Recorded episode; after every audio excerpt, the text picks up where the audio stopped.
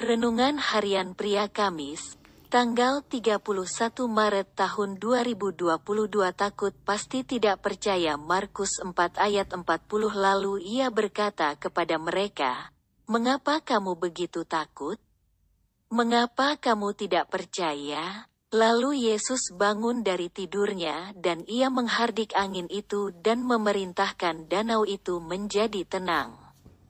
Kemudian Yesus menegur murid-muridnya dan berkata kepada mereka, "Mengapa kamu begitu takut? Mengapa kamu tidak percaya?" Murid-murid Yesus mengizinkan situasi yang dihadapi oleh mereka membuat mereka dikuasai oleh ketakutan.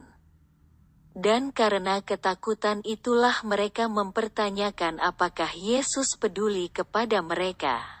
Murid-muridnya belum mengenal Yesus sebagai Tuhan yang selalu peduli. Ada banyak hal di dunia ini yang dapat membuat kita menjadi takut. Dan ketika kita menjadi takut, sebenarnya kita tidak percaya. Tidak percaya kepada siapa dan tidak percaya apa? Tidak percaya kepada Yesus dan firman-Nya.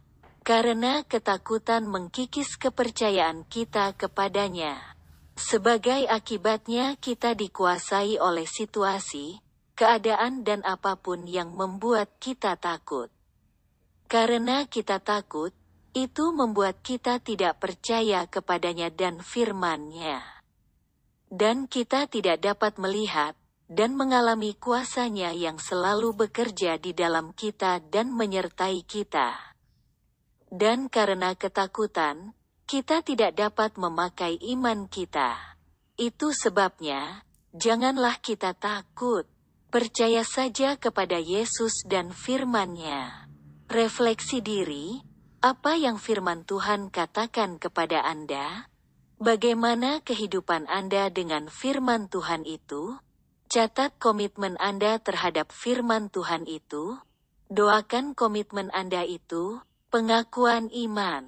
Dengan pertolongan Tuhan saya mengatasi ketakutan dan tetap percaya kepada Yesus dan firman-Nya.